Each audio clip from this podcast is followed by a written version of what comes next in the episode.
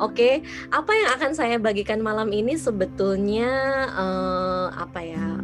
mendasar sekali, basic banget buat teman-teman karena kemarin Pak Ferry bilang ke saya ini tuh semacam pembekalan non formal gitu ya untuk teman-teman melaju ke uh, tahap berikutnya. Semoga nanti lolos jadi mojang jajaka.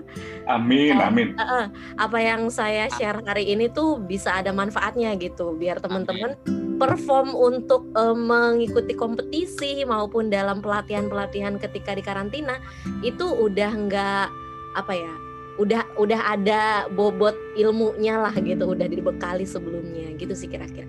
Jadi kita santai aja malam ini nggak usah kaku. Saya udah lihat video perkenalannya Irham dan Dira. Jadi ya uh, kalian seusia mahasiswa saya gitu. Uh, ada yang apa namanya Irham tampak masih malu-malu gitu nanti saya harapannya setelah dapat pelatihan ini berbeda ya. Kalian akan bikin video perkenalan dengan uh, cara yang berbeda gitu. Sudah dapat pembekalan gitu. Untuk Dira juga kemarin kan pakai bahasa Inggris uh, evaluasi sedikitnya sih dari sisi ini kali ya untuk pengucapan kata ada ada yang kurang tepat menurut saya kayak uh, event itu harusnya disebutnya event bukan event kayak gitu. Karena kan event yang dimaksud tuh uh, acara gitu bukan event bahkan gitu kan. Kemudian ada uh, currently itu harusnya currently gitu kan bukan uh, bukan current gitu. Tapi uh, yang lainnya nggak ada masalah kalau dari sisi bahasa Inggris. Tinggal bagaimana menyampaikannya itu yang akan kita sampaikan uh, akan kita simak bareng-bareng malam ini. Oke saya akan mulai uh, share screen. Silakan diizinkan dulu sama hostnya saya belum bisa share share screen di sini ya untuk Kang Anwar tolong jadi co-host atau itu? Bu Dani mau share screen. Uh, diklik aja multiple share-nya di di situ, diklik uh. yang panah hijau, terus uh, diklik yang bagian multiple can share gitu loh. Jadi semua orang tuh bisa sharing. Saya nggak harus jadi host. Hmm. Share screen, terus multiple-nya diklik ya, Kang Anwar. Udah belum? Kang. Di sebelah mana ya? Di bawah tuh ada panah hijau yang atas. Panah ya. hijau itu yang tulisan share screen. Uh -uh, itu, itu diklik, terus pilih yang multiple. Multiple. Uh -uh.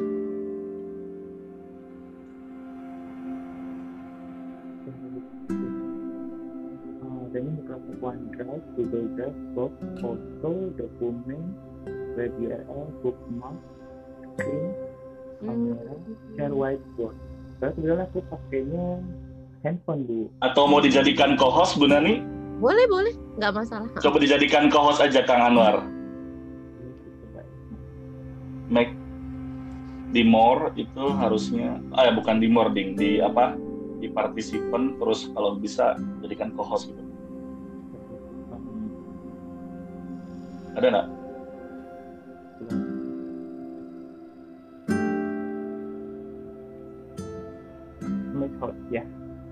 Udah ya? Oke. Nah, Oke. Iya iya iya. Oke, sekarang saya Jadinya host gak apa-apa ya Bu Nani. Gak apa-apa, gak apa-apa. Nah, saya udah mulai share, udah kelihatan belum uh, layarnya? Belum. Hmm. Nah, udah mulai proses. Oke. Okay. Sudah kelihatan Bu Nani? Oke. Okay. Jadi ini saya siapin kemarin sih. Uh, karena ya kalau ngomong kesibukan kan nggak ada habisnya ya. Jadi nah uh, yang diminta sama Pak Ferry itu kan kemarin personal branding sama uh, dasar public speaking gitu sih. Bagaimana berbicara di depan publik. Yang pertama kita bicara personal branding dulu baru nanti kita ke public speaking gitu ya. Jadi apa itu personal branding? Uh, brand personal gitu ya, personal branding, personality atau kepribadian yang begitu melekat pada diri kita. Itu personal branding. Dan kenapa sih kita harus ngebrand diri kita sendiri gitu? Emangnya kita barang jualan gitu kan? Emangnya kita produk gitu kan? Loh, memang iya gitu. Jadi di era sekarang apalagi didorong dengan adanya kemajuan new media, ya media baru kita tuh punya tools untuk bisa membranding diri kita secara luas gitu biar orang tahu kita tuh siapa gitu ya. Kemudian kita tuh keahliannya apa? Minat kita tuh di bidang apa? Karena dengan demikian, dengan dunia tahu bahwa kita siapa, kita itu kepakarannya di mana, kesempatan-kesempatan tuh akan datang gitu. Nah, dengan kita nge-branding diri kita, itu sangat dimungkinkan kita akan mendapatkan banyak kesempatan untuk bisa mengembangkan diri lebih lanjut lagi, untuk me, apa ya, memperkaya diri, untuk me, membuat diri lebih baik lagi, lebih pintar lagi, lebih kompeten lagi di bidang yang memang kita geluti seperti itu. Jadi apa yang kita bicarakan, karakter kita itu seperti apa, warna apa yang kita suka, baju apa yang kita pakai, itu tuh e, menjadi satu kesatuan personal branding kita kayak gitu. Jadi personal branding itu sentimennya bisa negatif maupun positif. Misalnya uh, saya itu dicitrakan sebagai apa ya dosen yang misalnya uh, cerewet gitu misalnya. Nah itu juga cerewet itu dalam hal ini apa nih negatif atau positif gitu. Jadi personal branding itu bisa macam-macam. Mohon maaf ini ada yang mau join Fahrul Saleh itu siapa ya? Bisa di admit atau enggak nih? Boleh Bu, maaf, boleh Bu. Kalau enggak dijadikan uh, Anwar dijadikan co-host aja Bu Dani, sorry. Oh, tadi tuh harusnya biar biar Bu Dani fokus gitu. nanti ada lagi yang join. Iya, iya, makanya kalau Anwar bisa jadi co-host, boleh nanti Anwar yang accept gitu. Oke, oke. Ya, dilanjut ya. Jadi gitu. Apa yang menjadi pilihan kita, segala preferensi kita yang kita suka, yang kita gunakan, yang kita yang kita tunjukkan pada orang lain itu adalah personal branding gitu sederhananya. Jadi, personal branding juga merupakan upaya kita untuk memberitahu dunia bahwa kita itu siapa kayak gitu. Kemudian uh, kita itu pandangan-pandangan kita seperti apa, pilihan-pilihan kita bagaimana kayak gitu Bahkan uh, nggak nggak sedikit juga orang yang terjebak pada membagikan emosinya dia melalui media. Sebentar Bu, uh, Kang Fahro, tolong di mute dulu ya. Atur Silahkan Bu Nani dilanjut. Lanjut ya. Kayak gitu. Jadi uh, kan ada orang-orang tertentu yang misalnya apa dia tuh cenderung kalau pakai baju hitam terus gitu. Ada tokoh terkenal Steve Jobs gitu. Dia tuh kalau pakai baju dulu ya sekarang udah mendiang ya.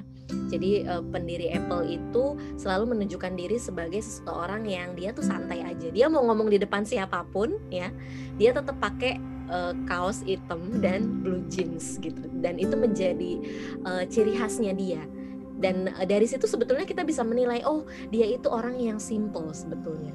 Nggak mau uh, apa ya terlalu kaku dalam berpakaian dalam menunjukkan diri. Dia juga tidak mau me, menaati segala peraturan yang misalkan harus pakai jas berdasi dan lain-lain kayak gitu. Dan itu menjadi ciri khasnya dia. Nah orang-orang besar seperti itu uh, bisa melakukan itu. Sementara kalau uh, kita masih dalam tahap ini ya kita biasanya menyesuaikan. Kalau di ruang apa berbicara di mana, kita akan menyesuaikan pakaiannya seperti apa. Terus contoh dulu saya selalu berpikir begini. Kalau mau beli baju gitu ya. Oh, saya belum punya baju warna ini. Jadi saya beli. Eh ternyata ketika saya miliki itu tidak cocok dengan warna apa? Tone kulit saya misalkan kayak gitu. Atau saya tuh kurang keluar auranya kalau pakai e, warna-warna tertentu. Jadi ternyata kalau dari teori warna kita tuh nggak harus memiliki semua warna uh, untuk menunjukkan diri kepada orang berpakaian dengan warna tertentu misalnya gitu.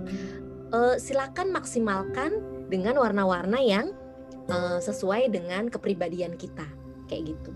Nah, untuk usia-usia Dira dan uh, Irham sendiri, mungkin saat ini masih masih labil gitu ya, masih belum mengetahui saya tuh sebetulnya lebih cocok pakai warna apa. Terus saya tuh sukanya eh, di bidang apa kayak gitu. Kemudian apalagi uh, saya tuh mau jadi apa sih nanti cita-citanya kayak gitu. Dan di usia-usia seperti ini memang uh, wajar ketika itu masih dipertanyakan gitu ya, masih kita tuh belum tahu mau ngapain. Tapi saya punya tips untuk memulainya dengan apa yang kalian sukai gitu. Uh, dulu saya waktu S1 ekonomi tapi kenapa S2 ilmu komunikasi? Oh ternyata karena memang saya tuh lebih menikmati bidang komunikasi. Terbukti saya siaran aja sampai enam tahun dari semester 1 kuliah S1 udah siaran. Terus ketika lulus saya jadi PR-nya Telkom setahun. Loh kok saya praktisinya di banyak di komunikasi ya? Jadi sambil meraba-raba begitu akhirnya saya memutuskan untuk di bidang ini sampai sekarang. Nanti juga teman-teman akan ketemu itu. Jadi nggak usah mengkhawatirkan sekarang masih belum tahu masih galau mau ngapain. Uh, silakan bertanya pada diri sendiri saya minatnya apa sukanya apa jadi nanti bisa berangkat dari situ sebetulnya, gitu ya. E, jadi personal branding itu sebetulnya keunikan, itu tidak bisa dipaksakan dan nggak bisa disuruh sama orang lain, bahkan orang tua kita sekalipun Misalnya uh, orang tua Dira menuntut Dira untuk jadi dokter, sementara Dira tuh passionnya nggak ke situ gitu loh. Dira lebih suka misalnya apa? Tampil di depan publik kayak gitu, uh, berkomunikasi, menjadi MC kayak gitu, terus mau jadi uh, pakar uh, public speaking, misalkan seperti itu kan bisa ya. Kemudian Irham juga sama, diarahkan sama uh, orang tuanya untuk menjadi PNS misalnya di uh, pemerintah daerah di Cirebon khususnya begitu ya di kota Cirebon tapi Irham nggak di situ passionnya. Nah kalau bisa kalian tuh e, memperjuangkan apa yang kalian suka bukan apa yang orang lain inginkan. Begitu. Karena yang menjalani ini yang menjalani hidup ini bidang ini itu kita. Yang menghidupi bidang ini yang kita sukai yang kita terus geluti sehari-hari itu kita bukan orang tua kita. Jadi e, gimana caranya meyakinkan orang tua supaya e, mereka tidak harus memaksakan kehendaknya kepada anak-anaknya berikan uh, mereka prestasi-prestasi di bidang yang memang kalian pilih itu. Jadi sebetulnya orang tua itu asalkan dirasio, dikasih rasionalisasi yang baik, itu akan nerima aja. Yang penting kalian bisa uh, baik di bidang yang kalian pilih, bermanfaat, terus bertanggung jawab karena sudah dewasa begitu ya. Kemudian juga uh, menekuninya tuh dengan sepenuh hati gitu loh. Jadi dengan berprestasi orang tua akan paham oh memang anak saya tuh di bidang ini. Jadi mungkin tugas saya hanya uh, mendukung saja, nggak perlu lagi uh, apa ya memaksakan kehendak untuk uh, dia di bidang tertentu gitu. Oke berikutnya. Uh, jadi itu ya tadi udah saya sampaikan bahwa personal branding adalah kegiatan memberitahu orang lain kita itu siapa. Ini penting dilakukan karena kesempatan hanya akan datang kepada kita saat dunia tahu kita itu siapa. Jadi gini, kayak sekarang deh contoh sederhananya. Pak Ferry tuh nggak mungkin minta saya ngomong di depan Dira dan Irham untuk berbagi mengenai personal branding dan public speaking kalau Pak Ferry nggak tahu bahwa saya itu seorang akademisi ilmu komunikasi dan dulunya praktisi di bidang uh, media radio seperti itu. Jadi saya tuh harus ngasih tahu ke Pak Ferry gitu loh dan ke semua orang bahwa saya tuh uh, akademisi ilmu komunikasi loh. Saya lulusan ilmu komunikasi, saya juga pernah praktisi komunikasi sekian tahun kayak gitu. Jadi dunia tuh harus dikasih tahu kayak gitu melalui personal branding gitu ya. Personal branding adalah sesuatu yang orang bisa lihat. Jadi benar-benar ada wujudnya ketika ditanya misalnya dia tuh siapa sih oh dia adalah uh, public speaker kayak gitu. Oh dia tuh motivator. Oh dia itu Jaka Rara Cirebon. Dia itu Mojang Jajaka. Oh dia itu apa mahasiswa di perhotelan kayak gitu misalnya. Jadi personal branding kita kasih tahu orang lain itu bahwa kita itu siapa, bidang kita yang ya bidang yang kita pilih itu apa.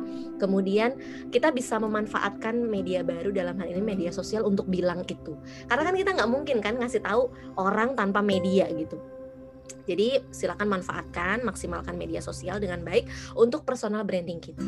Jadi personal branding juga menjadi perpanjangan mulut kita dan juga merupakan pengejawantahan tindakan kita gitu. Karena kita tadi ya nggak mungkin ngasih tahu uh, ke teman kita satu-satu japri melalui WA gitu ya. Eh saya sekarang uh, bekerja di sini loh kemudian saya sudah lulus di bidang ini kan nggak mungkin jadi dengan kita punya karya gitu misalnya di kalau akademisi itu di Google Scholar bisa dilihat uh, apa semua jurnal yang sudah dia lahirkan gitu kemudian buku terus apa lagi. Uh, kemudian ada juga bahkan uh, satu sosial media yang khusus untuk uh, profesional citra profesional profesional image. Itu namanya LinkedIn. Jadi kalau sekarang Dira dan Irham belum punya LinkedIn, silakan abis ini wajib banget bikin LinkedIn. Terus bilang kalian itu siapa di situ gitu. Tadi saya udah uh, ini ya, udah follow back Dira dan Irham di Instagram. Instagram juga bisa menjadi salah satu uh, apa tools untuk kita melakukan personal branding. Tapi saya harap kalian juga harus uh, memperkuat itu di LinkedIn karena itu profesional. Bahkan orang tuh banyak ya sekarang HRD perusahaan atau bidang apa pun uh, bahkan uh, donor beasiswa S2, S3 itu yang cari kandidat itu dari LinkedIn kayak gitu. Jadi penting banget. Dan personal branding itu fokus pada show up dan juga appearance gitu. Jadi memang apa sih yang dilakukan di media sosial? Ada teman saya yang bilang e, sebenarnya Instagram tuh sarana narsis aja ya gitu. Loh, memangnya kenapa dengan narsis? Narsis itu kan bukan sesuatu yang negatif gitu kan. Tinggal kitanya aja mau mengemasnya seperti apa. Jangan terkesan kita narsis banget gitu. Memang uh, Instagram tuh kan buat foto-foto gitu ya. Uh, terus me, me, menampilkan apa yang kita lakukan lakukan sehari-hari, apalagi itu berkaitan dengan profesi kita, dengan apa yang kita sukai. Loh, kenapa enggak? Justru memang itu cara kita ngasih tahu ke dunia kita itu siapa, kayak gitu. Jadi paling efektif itu biasanya dilakukan melalui karya atau produk. Biasanya kalau para pebisnis itu akan bikin produk-produk tertentu atau jasa. Kemudian dia akan melakukan uh, personal branding. Jadi dia sebagai ownernya tuh merupakan sosok yang seperti apa gitu juga. Terus pertanyaan berikutnya adalah bisa nggak sih kita mengkapitalize personal branding kita? Jawabannya adalah sangat bisa gitu. Jadi dengan saya menyantumkan saya itu dosen ilmu komunikasi di Instagram saya saya dapat banyak tawaran untuk ngisi webinar kayak gitu. Sederhananya tadi ya, balik lagi ke contoh yang Pak Ferry ini lihat. Pak tadi eh, di di uh, pengantarnya Pak Ferry bilang saya lihat di Instagramnya Bu Nani itu begini, begini. karena memang saya me memperlakukan Instagram bukan sekedar saya berbagi emosi saya, tapi juga berbagi uh, kepakaran, kemudian uh, berbagi aktivitas sehari-hari kayak gitu, biar orang tuh semakin melekat di benaknya bahwa oh saya itu ya memang uh, bidang ini dia tuh menguasainya ini jadi ketika kita membutuhkan ini cuma dia orangnya. Kayak gitulah kira-kira ya. Jadi kita bisa mengkapitalize personal branding. Terus uh, secara nggak langsung jangan digunakan untuk menjual sih, tapi membangun audiens tadi ya. Dengan kita menekankan di benak mereka bahwa kita tuh spesialisasi di bidang ini, mereka ketika butuh sesuatu terkait bidang yang kita kuasai itu nggak akan ke mana-mana, tapi akan ke kita seperti itu. Dan yang membuat personal branding seseorang kuat adalah yang pertama choice. Choice ini kaitannya sama ceruk ya, ceruk pasar gitu atau niche. Jadi kalian juga harus tahu eh, selain kalian itu sukanya apa kita juga harus lihat ke depan prospek profesi ini tuh bagaimana sih kayak gitu untuk bisa memposisikan diri uh, dan juga apa ya kita tuh unik gitu berbeda dari yang lain dan kita punya uh, keahlian khusus di bidang tertentu. Kemudian yang kedua adalah habit dan ini kaitannya dengan konsistensi. Jadi kalau kita nggak konsisten ya orang jadi bingung sebetulnya dia masih nggak sih di bidang itu gitu loh. Terus dia tuh mana update kegiatannya kok kayaknya dia nggak nggak perform ya di bidang ini gitu. Itu kan bahaya juga jadi harus konsisten. Kemudian yang berikutnya adalah waktu. Waktu tuh menjawab segalanya tuh bener banget ya. Jadi dengan rekam jejak seseorang itu dia akan tahu oh dia tuh jadi uh, akademisi ilmu komunikasi sudah enam tahun. Oh dia praktisi radio enam tahun. Enam tahun tuh waktu yang cukup untuk uh, membekali diri gitu baik secara pengalaman maupun praktek teori di, uh, dari yang didapatkan di bangku kuliah. Misalkan begitu. Kemudian yang berikutnya adalah influence ya. Bagaimana kita bisa memengaruhi orang lain. Orang lain sudah mulai percaya dan menunggu kita. Kok dia nggak update ya gitu kok nggak ada asupan konten ya dari si Anu gitu? Saya padahal nungguin banget loh. Kayak gitu. Itu karena apa? Karena kenapa orang nunggu gitu? Karena bagi mereka apa yang kita lakukan itu bermanfaat. Kayak gitu. Jadi silahkan gunakan media sosial kita untuk membranding diri kita dan orang akan nunggu kita gitu loh ya. Jadi kita sudah punya audience kayak gitu. Lalu personal branding adalah kebutuhan. Kenapa kebutuhan? Jadi kalau di ilmu psikologi itu dibilang bahwa uh, seseorang itu butuh eksis, butuh diakui keberadaannya. Dan seseorang di sini nggak harus somebody gitu ya, nggak harus aktor, nggak harus tokoh publik kayak gitu, pejabat gitu, nggak harus.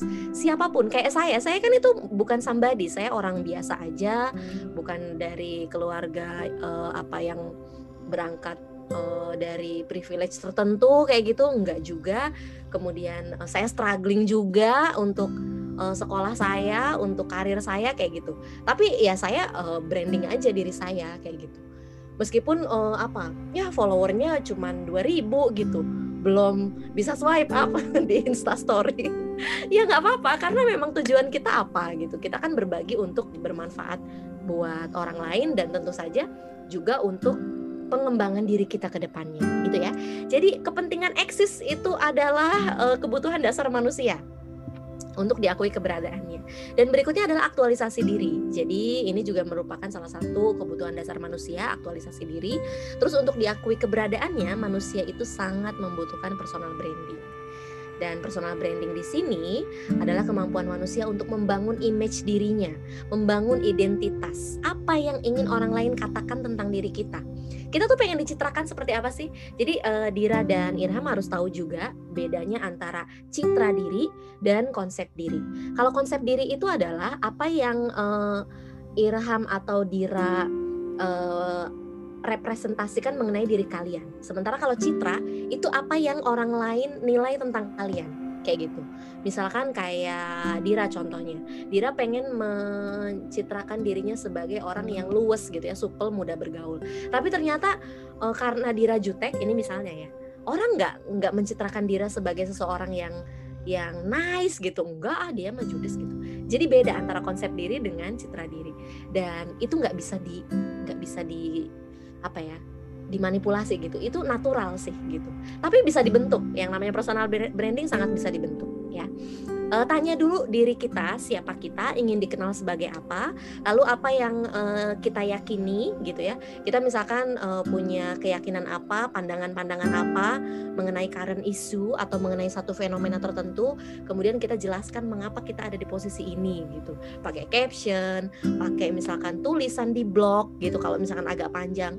Kemudian mau menjelaskan lebih panjang di YouTube pakai video kenapa enggak gitu.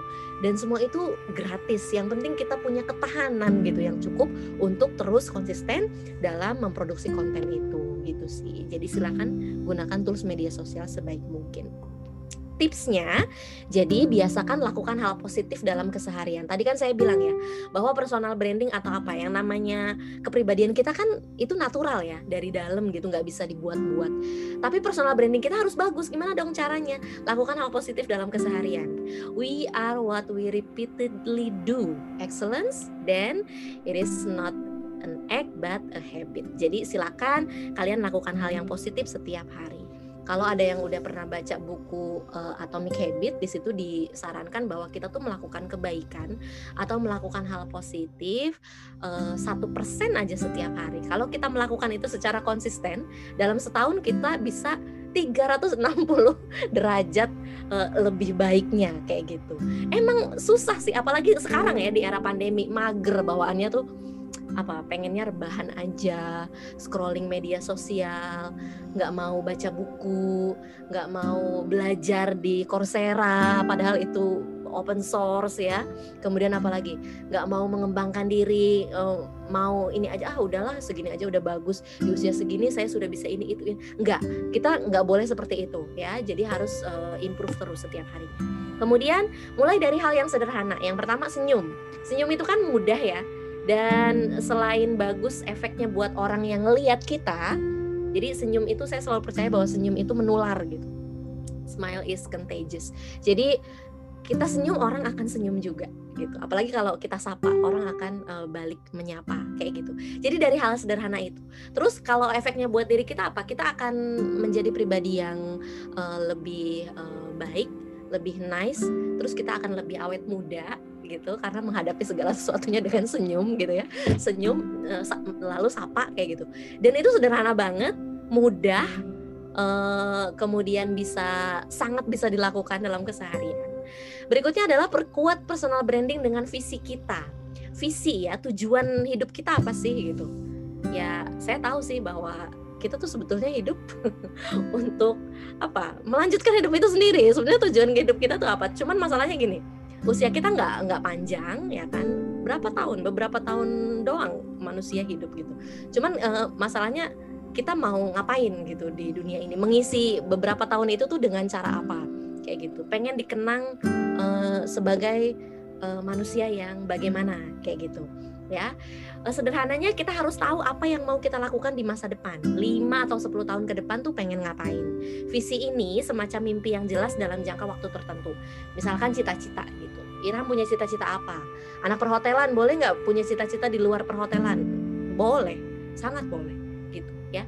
Uh, Dira juga sama gitu. Misalkan sekarang passionnya di public speaking, tapi nanti pengen apa ya volunteering di NGO uh, kelas internasional join di UN kenapa enggak gitu kan? Terus jalani mimpi dengan passion mulai dari melakukan apa yang kita sukai. Memang passion ini tuh misterius ya. Kalau di usia-usia muda tuh masih belum tahu kita tuh mau ngapain kita tuh lebih suka apa sih? Kok kayaknya saya pengen ini pengen itu banyak sekali gitu. Kayak Doraemon. Uh, ini uh, simpelnya contohnya gini ya. Saya punya adik perempuan. Waktu itu kuliah di UNJ terus dia ngambil uh, jurusan yang kata dia tuh Mbak Neng nggak passion sama jurusan ini. Terus saya tepuk jidat. Menurut Ngan memang menemukan passion tuh nggak semudah itu. Mahasiswa uh, S1 semester 1 enggak tiba-tiba langsung tahu passionnya apa gitu tuh enggak.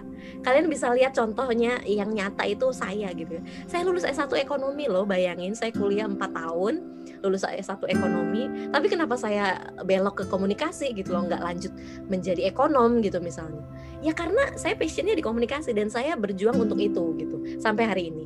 Jadi boleh nggak melenceng dari apa yang kita uh, apa sudah geluti selama bertahun-tahun di perkuliahan?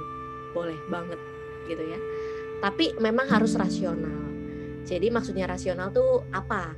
Uh, ada ketertarikan kalian tuh dari sisi apanya itu nanti sebetulnya akan ketemu sih muaranya. Jadi jangan khawatir, belain passionnya ya.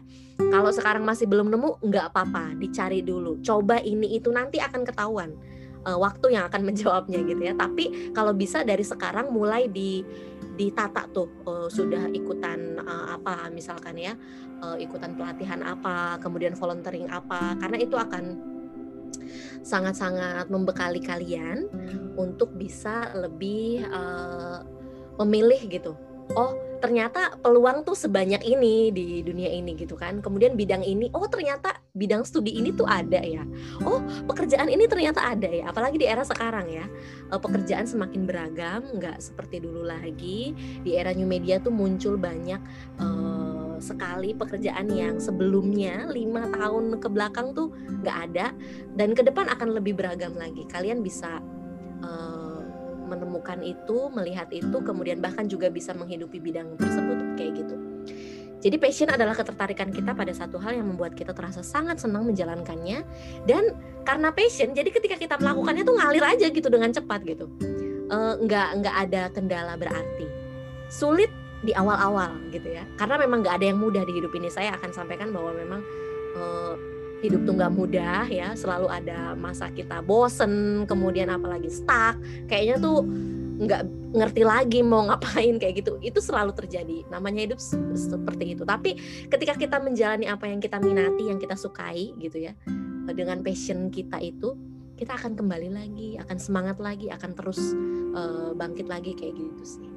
Oke, dari sisi personal branding saya rasa cukup. Kita akan lanjut ke public speaking. Sebelum ini uh, saya kasih ini dulu ya kesempatan Dira sama Irham untuk bertanya sebelum kita beralih ke yang ya. public speaking.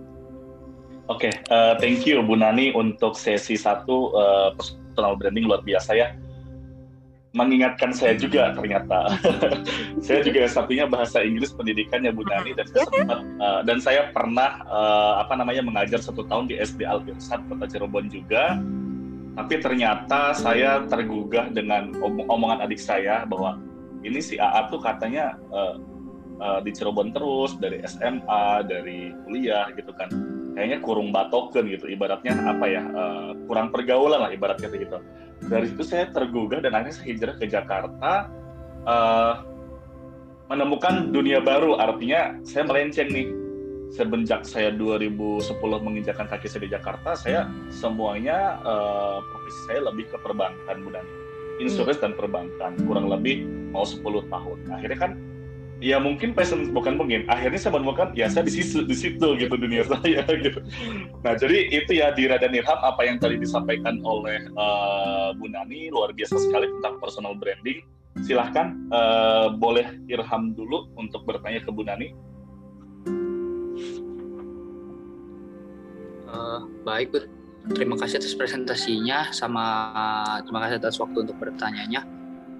Saya mau tanyanya begini Bu. Jadi kan kayak misalkan ibu pertama dari ekonomi gitu hmm. terus udah setelah lulus baru ke komunikasi. Nah itu tuh yang bikin kalau kayak saya yang mungkin baru lulus hmm. terus masih belum tahu mungkin perhotelan ke passionnya atau ke mana ke mana gitu itu cara ngeyakinin bahwa itu tuh passion kita itu gimana sih bu? Kadang kan suka kita anak muda masih agak labil dalam menentukan passion. Yang baru kenal hal ini oke okay, mungkin mikir passionnya di sana. Tapi untuk hanya bertahan beberapa bulan dan kemudian bosan atau cari yang baru lagi gitu. Nah tadi sebetulnya udah ada clue-nya tuh di uh, materi yang saya sampaikan. Bahwa gini oke okay, kita masih belum tahu kita passionnya apa. Tapi ciri-cirinya gini kalau kita suka sama bidang itu tuh saat kita ngerjain itu ngalir gitu. Mudah gitu terasa terasa sangat apa ya itu tuh kita banget gitu ya. Nah saya juga kuliahnya ekonomi tapi kok saya penyiar radio gitu ya dan enam tahun loh bukan sebu bukan enam bulan gitu. Jadi sampai saya lulus kuliah uh, itu saya masih jadi penyiar radio. Sampai saya kerja di Telkom pun bagiannya tuh komunikasi gitu loh public relations gitu. Jadi terus saya bertanya ke diri saya mm, loh ini kok saya nggak ada ekonomi ekonominya ya jadi orang gitu? Padahal kayaknya pertanggung pertanggungjawaban sosial saya itu harusnya di bidang ekonomi gitu kan. Oh ternyata saya kok lebih megang kalau saya di komunikasi. Saya merasa lebih uh, lebih bisa apa ya mengeluarkan potensi yang saya miliki itu di bidang komunikasi gitu. Jadi uh, ketika misalkan apa ya kalau saya waktu itu sebagai penyiar radio nggak kepake mungkin saya cuma bertahan enam atau enam bulan atau satu tahun ya nggak? Tapi ini iya. enam tahun. Artinya apa? Oh berarti saya tuh di situ gitu. Dan saya ketika saya siaran tuh saya menikmati sekali. Terus teman-teman uh, kampus waktu itu suka ngasih feedback. Bahkan mereka setia gitu jadi pendengar saya. Ih kemarin kamu ngomongin bahas tentang ini kayak iya aja emang kamu udah ngalamin nah itu saya sebetulnya waktu itu kan remaja kan belum iya. belum jadi gini radio saya waktu itu tuh adalah radio yang segmentasinya tuh uh, dewasa muda bukan bukan remaja muda bukan kayak kalian di Cirebon kan tahu apa tahu iya. Pilar FM gitu kan tahu Pilar. Oh, Pilar. Nah, Pilar itu kan anak muda banget. Nah, Dairi itu bukan anak muda banget tapi dewasa. Waktu itu saya masih remaja tapi saya siaran di radio dewasa. Terus saya ngomong seolah-olah buat pendengar yang memang segmentasinya tuh dewasa muda. Makanya teman-teman saya di kampus tuh kalau kamu tuh kalau siaran kayak iya aja emang kamu pernah ngalamin itu? Kok tahu sih gitu. Saya bilang loh ya nggak tahu ya. Saya padahal baca cuman dulu kan internet belum semasif sekarang ya. Bahan siaran saya tuh dari majalah. Jadi radio saya langganan koran majalah gitu kan. E, kemudian saya baca terus ya udah saat saya sampaikan ke pendengar tuh mengalir begitu aja dan banyak yang suka oh ternyata ini ya saya di sini deh kayaknya gitu. Terus buktinya ketika lulus S1 udah punya gelar sarjana pun malah kerjanya tuh di bidang komunikasi lagi. Ya udah deh berarti saya tuh orang yang tipikal apa terus memang dalam perjalanan kuliah uh, S1 tadi Pak Ferry bilang ya kita pernah ngemsi bareng saya tuh ngemsi sampai sekarang udah jadi dosen pun saya masih ngemsi gitu loh terakhir kalau untuk Cirebon saya tuh MC di bukan MC sih malah moderator ya saya tuh uh, eh, MC dan moderator Terakhir untuk Cirebon tuh debat kandidat calon bupati Cirebon. Saya jadi moderatornya. Waktu itu disiarkan di Radar Cirebon TV apa di mana saya lupa. Dan waktu itu belum covid ya kita masih live gitu di The Radiance di Beber waktu itu. Kalau untuk Cirebon itu. Kalau untuk Jakarta saya terakhir uh, jadi moderator di acaranya Kementerian Hukum dan HAM terkait Hmm. uh, ini apa namanya terkait kekayaan intelektual kayak gitu-gitu. Jadi sampai sekarang pun saya sudah jadi akademisi uh, peneliti gitu ya pengajar. Saya tetap nge-MC tetap moderator karena memang kayaknya tuh itu gitu. Saya kalau ngomong di depan publik tuh orang suka dan undangan itu datang terus gitu. Ya udah akhirnya di situ. Nah tipsnya untuk Irham tadi. Irham coba deh sesuatu dan kalau itu mengalir dengan uh, dengan deras gitu ya mudah gitu terasa mudah terus feedbacknya dari orang itu bagus ya berarti kamu di situ tuh gitu. Terus coba jangan cuman beberapa bulan dicoba uh, tahan nggak tuh sampai setahun kayak gitu dua tahun gitu tadi kan saya juga bilang bahwa memang nggak mudah sih menemukan passion di usia muda. Saya juga nemuinnya berarti di usia berapa tuh Pak Fer? Kita lulus usia berapa? Ya kan? Nggak nggak mudah. Lulus dua dua tiga dua empat kali ya. Hmm, dua tiga dua empat kayaknya. Betul dua tiga dua empat. Jadi uh, Irham udah di usia itu apa belum gitu loh? Kalau belum cicipi aja semuanya dulu. Pokoknya ketika itu baik dan kira-kira ada manfaatnya buat masa depan kamu uh, coba gitu. Nanti akan ketemu yang paling kuat buat saya tuh yang mana. Jadi uh, apa yang kamu rasakan terus nilai juga feedback dari orang tuh bagus apa enggak di di bidang yang kamu mau jalani itu gitu sih. Irham menjawab nggak Iya, Irham, menjawab, Menjawab. Terima kasih Ya. jawabannya. gitu Iya, Iya. jawab. oke Coba oke. Masih usia segini coba sebanyak mungkin. Jangan banyak rebahan ya. Saya selalu bilang, Iya. bilang sama adik saya begini kamu sebelum usia 30 harus kerja sampai babak belur. Sampai bener-bener sampai bener-bener teklok kalau kata bahasa Cirebon tuh. Sampai nggak kuat lagi gitu. Supaya nanti di usia 30 kamu tuh bisa bisa lebih chill lebih santai lebih bisa menikmati hidup dengan dengan mudah. Karena apa Eh, ya bisa baca buku dengan dengan mudah dengan santai nggak gedebugan kerja sana sini lagi mengumpulkan materi gitu ya karena uang udah udah otomatis datang gitu oke Paham? coba thank you Bu Nani Iya sama-sama Oke, jangan lupa dicoba Irham ya. Oke, mungkin Iya. uh, berikutnya ke Dira ya. Dira, halo Dir. Boleh bertanya?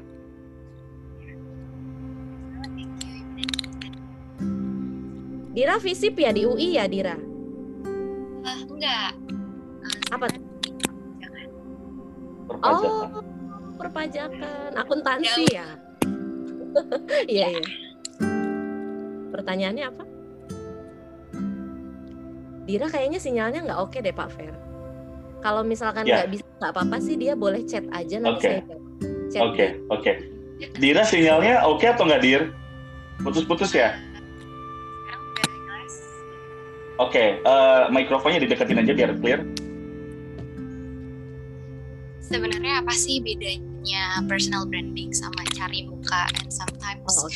uh, terkadang-kadang kita kayak insecure Ha-ha. untuk buat personal branding karena kita takut disangka bragging gitu. Oh, Itu oke. aja.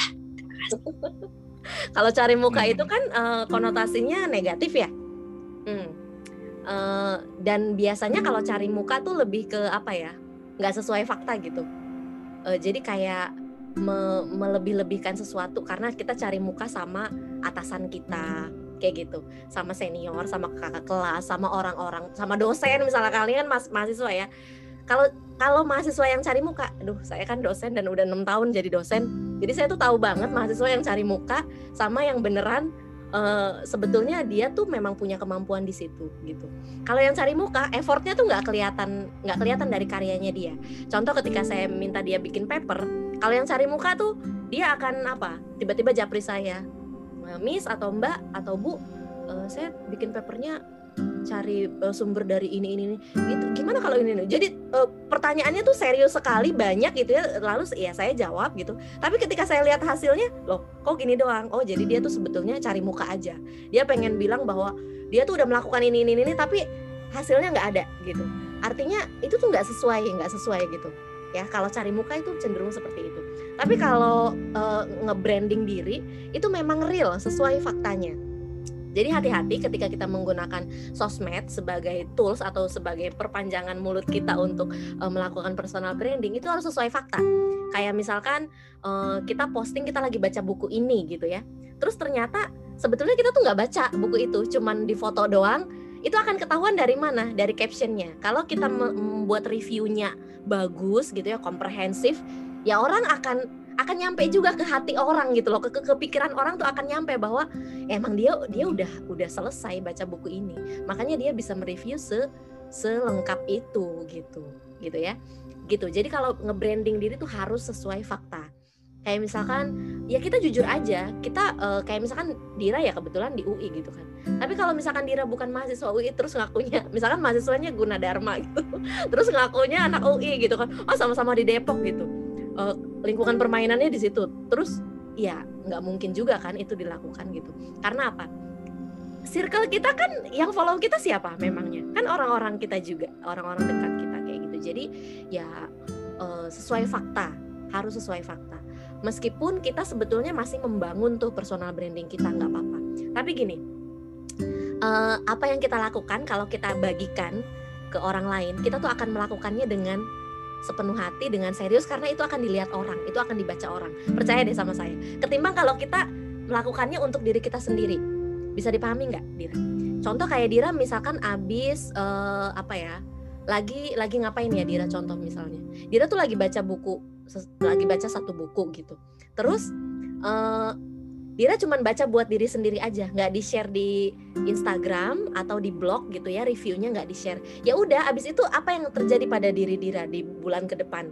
Akan lupa sama isi buku itu. Jadi rugi buat diri kita.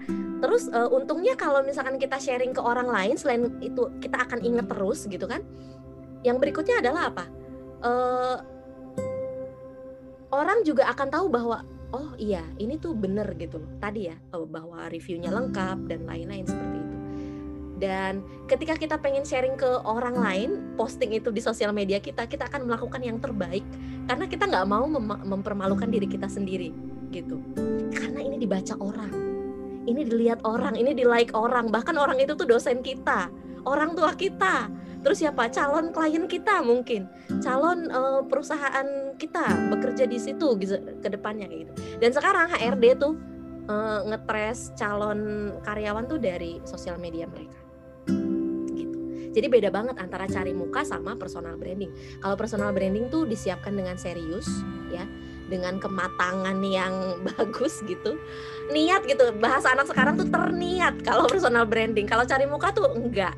Uh, Omdo kalau cari muka tuh dia dia cuman gitu ngomong tapi sebenarnya hasilnya mana terus emang apa gitu oke luar biasa Bu Nani jadi kalau personal branding itu lebih ke long lasting ya kalau saya garis bawah ya, jadi iya. tesnya itu dirasain panjang gitu nggak hanya se iya. ya contoh kayak artis lah ya kalau hmm. memang dia image-nya itu lebih ke cari sensasi yang negatif, sukanya hobinya berantem apa ya, ya udah segitu doang. Tapi kalau memang prestasinya bagus gitu ya akan dikenang terus gitu ya mungkin juga bisa ke arah situ gitu Bu Nani oke Bu Nani uh, gini uh, mungkin uh, sebelum ke public speaking boleh sharing nggak sih Bu kira-kira buku-buku apa saja yang yang Bu Nani baca untuk pengembangan diri yang sekiranya referensi buat Bu Nani gitu. saya akan ambilkan ya ini yeah. ada di di samping saya ini sebetulnya ini buku legend banget ini adalah hmm. Referensi untuk mata kuliah citra profesional. Jadi apa profesional image gitu ya. Nama judul bukunya adalah Personality Plus atau kalau dalam bahasa Indonesia itu kepribadian plus. Uh, yang ngarang itu Florence Litaur ya. Florence Litaur nggak tahu nih bacanya bener nggak saya. Nah di sini ada bagaimana memahami orang lain dengan memahami diri Anda sendiri. Jadi memang kita tuh harus tahu diri kita sendiri kan. Kayak kita mau melakukan personal branding. Uh, ya silahkan Dira kalau mau off cam boleh supaya lebih lancar koneksinya. Nggak apa-apa. Jadi ini bukunya. Dan itu murah banget. Kalian kalau beli di uh, Shopee gitu kalau nggak salah cuma 15 ribu bayangin. Dan ini tuh ada ada tes kepribadiannya gitu di akhir.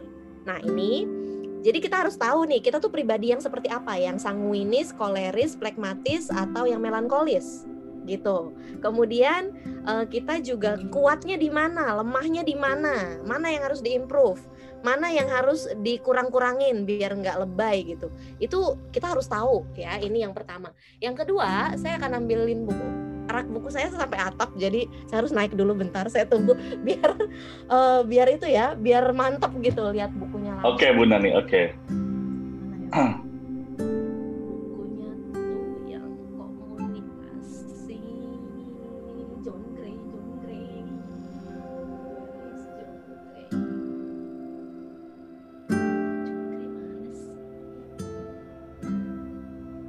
Saking banyaknya bukunya nih harus naik tangga dulu. Hati-hati bu. Hati-hati. ya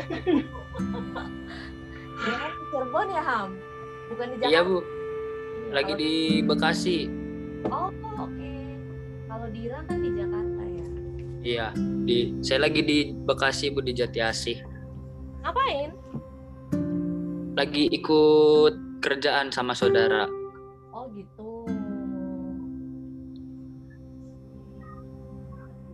Ibu Bekasinya di sebelah mana, Bu?